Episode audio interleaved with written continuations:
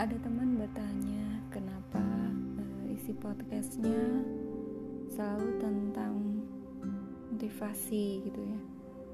Ya saya suka tentang mengenali model model-model keteladanan gitu ya. Untuk semangat bahwa tak ada yang tak mungkin. Di kisah-kisah ini tentang orang-orang yang ingin survive gitu ya orang-orang yang bertindak. Bertindak adalah uh, bahan bakar pikiran ya untuk membantu kita meraih uh, impian kita sasaran kita gitu ya. Semoga uh, bisa menjadi motivasi dalam diri kita karena perubahan itu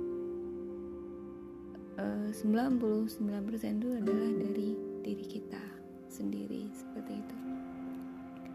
Malam ini saya akan uh, berkisah gitu ya, bercerita tentang permen rasa mentol judulnya. Ada kata mutiara Cina yang mengatakan, jika kau membuat rencana untuk satu tahun, tanamlah padi. Jika kau membuat rencana untuk 10 tahun, tanamlah pohon-pohon besar. Jika kau membuat rencana untuk seumur hidup, didiklah orang. Ada kisah Jenny gitu ya. Mata Jenny berkaca-kaca ketika dia menghampiri meja kerjaku. Aku mengambil kotak tisu dengan tangan kiriku dan menarik kursi tambahan dengan tangan kananku. What's wrong Jenny? Gitu. Apa yang terjadi Jenny? Tanyaku ketika dia terisak Aku memberi isyarat kepada Jenny agar duduk di samping meja kerjaku di bagian belakang ruangan guru. Saya tidak mengerjakan PR. Dengan lemas dia menjatuhkan diri ke kursi, dia mulai dengan memberikan sehelai kertas yang tak dilipat dari nenek yang bertuliskan Bapak guru yang terhormat, mohon maafkan Jenny karena tidak mengerjakan PR tadi malam. Kami mengalami situasi darurat dalam keluarga. Kanker ibunya telah menyebar dan dia harus dioperasi tadi malam. Jenny akan menyelesaikan PR-nya malam ini. Silakan menelpon jika ada yang ingin Anda tanyakan. Terima kasih atas pengertian Anda. Hormat saya, Cindy. Aku pelan-pelan meraba pinggiran kaleng permen kecil yang terletak di sebelah kotak tisu di meja kerjaku. Ini Jenny, ambil sebuah, kataku lirih. Dia menatap permen dalam kaleng itu beberapa saat. Tidak, terima kasih, sahutnya dengan suara lirih pula. Aku menaruh sebutir permen Life Savers di depannya ketika aku mengatur tinggi kursiku supaya sama tinggi dengan kursi yang dia duduki. Jenny, pernahkah aku bercerita kepadamu tentang nenek buyutku dan permen mentol. Dia menggeleng sambil mengatakan, "Belum." Begini, ketika umurku 4 tahun, aku diajak ke rumah nenek buyutku. Dia mempunyai toples-toples dari kristal penuh berisi permen. Dan aku selalu meminta beberapa butir. Isak Jenny mulai berkurang. Maka dia membuka permen di depannya dan menaruhnya di atas lidahnya. Kami menyebut nenek buyutku Big Mama. Jenny berdecak. Daerah asal Big Mama adalah Texas. Tempat semua nenek buyut disebut Big Mama. Julukan itu menunjukkan bahwa dia ibu, semua ibu dalam keluarga dan harus dihormati oleh semua anggota keluarga di di bawah peringkatnya. Big Mama menyuruhku bermain di luar. Maka aku langsung beralih ke pohon kayu putih dan menari-nari di sekeliling pohon itu sampai aku tersandung salah satu akarnya dan terjatuh. Terjatuh ke, ke setumpuk ranting kering. Aku menangis Terpincang-pincang aku kembali ke rumah Big Mama dengan lutut berdarah. Dia mengambil sehelai handuk dan menyeka mukaku. Dia menyuruhku mengambil sebutir permen, memasukkannya ke dalam mulut, kemudian mengajakku duduk di ruang keluarga untuk menonton Perry Mason bersamanya. Aku terpincang-pincang masuk ke ruangan itu, masih menahan tangis dengan sebutir permen dalam mulutku. Ketika pertunjukannya selesai, aku bertanya, "Boleh meminta plester untuk lukaku?" Plester ada di lemari dalam kamar mandi, Sugar Baby. Aku segera ke kamar mandi mengambil sebuah plester dan memasangnya pada kakiku.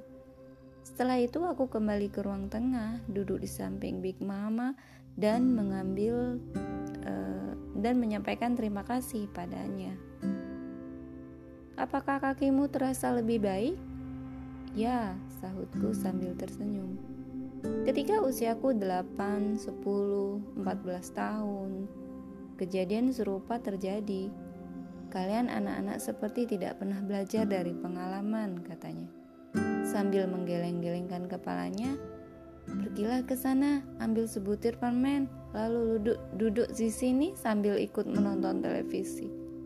Aku mengulum permen itu dalam mulutku, selalu sambil uh, menonton Perry Mason.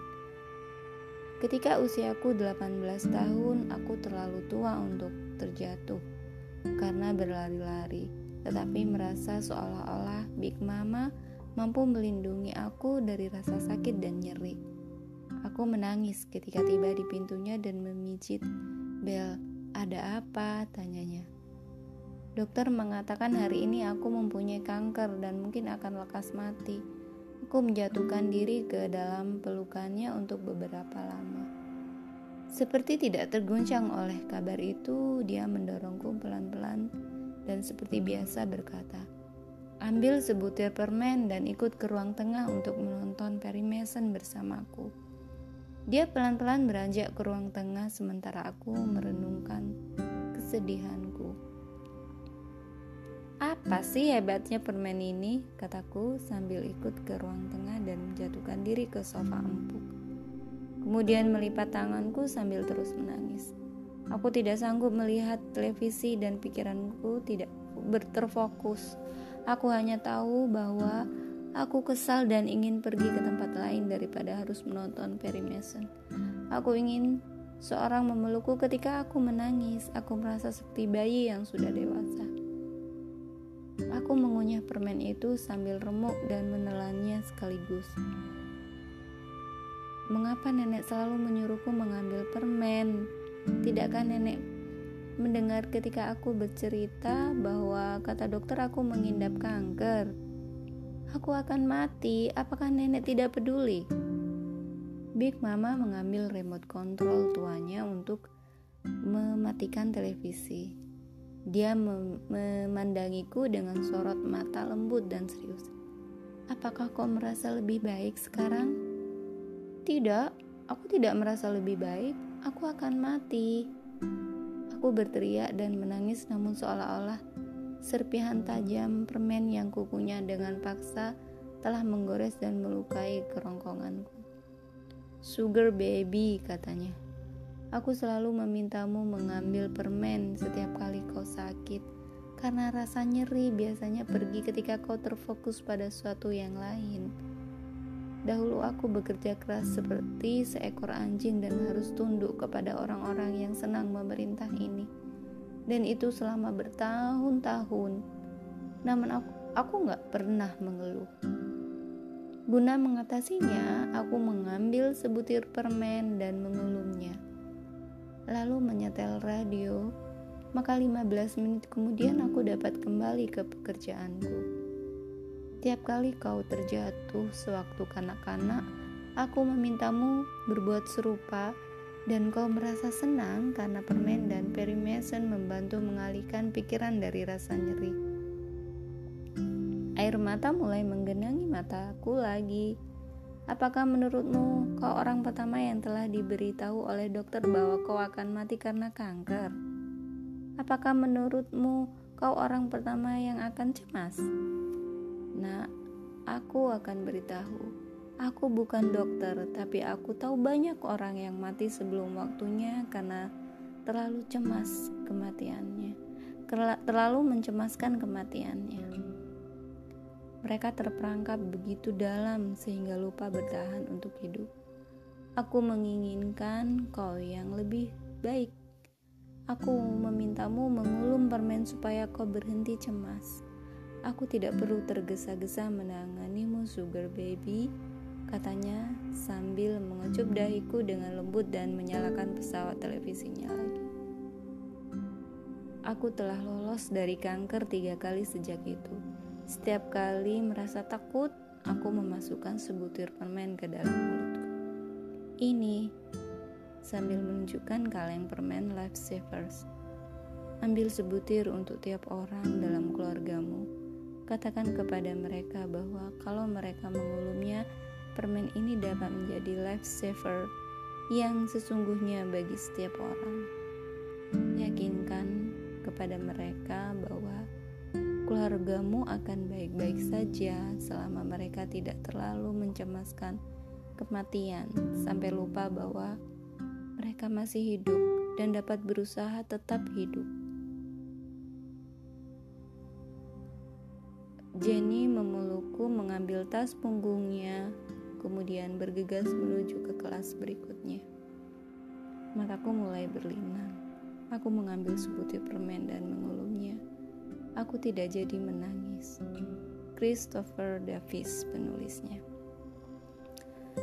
Um, saya juga pernah ini ya teman-teman. Saya juga pernah uh, anak-anak yang seperti ini anak-anak yang kecewa gitu ya dengan mamahnya anak-anak yang kecewa dengan orang tuanya. Saya pernah uh, assessment sedikit lah tidak terlalu detail gitu.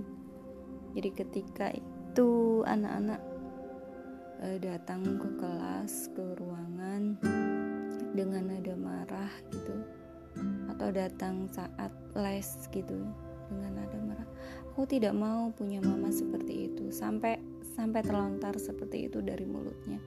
Ketika saya tanya saya elus gitu ya saya elus kepalanya saya elus bahunya saya gosok-gosok uh, lengannya seperti itu anak-anak yang seperti itu. Ada apa sampai terlontar seperti itu? Ada apa? Jadi saya berusaha menjadi uh, telinga saya berusaha menjadi pendengar yang baik gitu ada apa kok sampai uh, marah-marah kepada bunda pada mama? Uh, jadi anak-anak ini mendapat bullying gitu ya dari mama atau ayah gitu. Ada yang dipukul pakai uh, sabuk sabuk gitu ya sabuk ada yang dipukul pakai pensil walaupun dengan pensil ya. Tapi itu amat sangat terrecord dalam otak anak gitu ya. Ada yang uh, ya uh, apa ya disakiti gitu ya di sekitar tubuh mereka gitu. Entah kepala atau apa gitu. Seperti itu. Jadi ada rekam apa ya rekam jejak yang negatif gitu ya tentang orang tua masya Allah gitu ya subhanallah.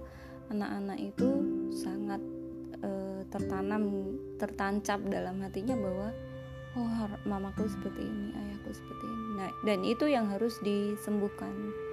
Trauma healing seperti itu yang harus disembuhkan itu ada apa? Ya, mungkin e, saya sebagai guru ya hanya bisa menenangkan memberikan kabar bahwa mereka tidak se sebenci itu kepada anak gitu. Sampai anak berpikir bahwa saya tidak mau punya orang tua seperti itu sampai seperti itu ya. Tapi dengan bahasa anak tapi saya bisa menangkap itu bisa merekam itu. Kasihan gitu ya. E, mungkin kita sebagai orang tua itu bisa menempatkan diri ketika kita marah gitu jangan lampiaskan kepada mereka. Mereka adalah investasi kita. Mereka juga bukan uh, penerus cita-cita kita yang tidak bisa kita capai bukan. Mereka adalah anugerah dari Allah mereka adalah amanah gitu. Maka harus dijaga dengan baik karena nanti Allah akan ambil kembali gitu ya. Jika kita tidak amanah maka Allah akan ambil lagi suatu saat gitu mengingatkan saja bahwa masa kanak-kanak itu adalah sebentar.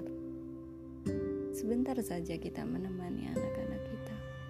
Kemudian mereka sudah dewasa dan mulai uh, hubungannya sudah mulai agak renggang ya.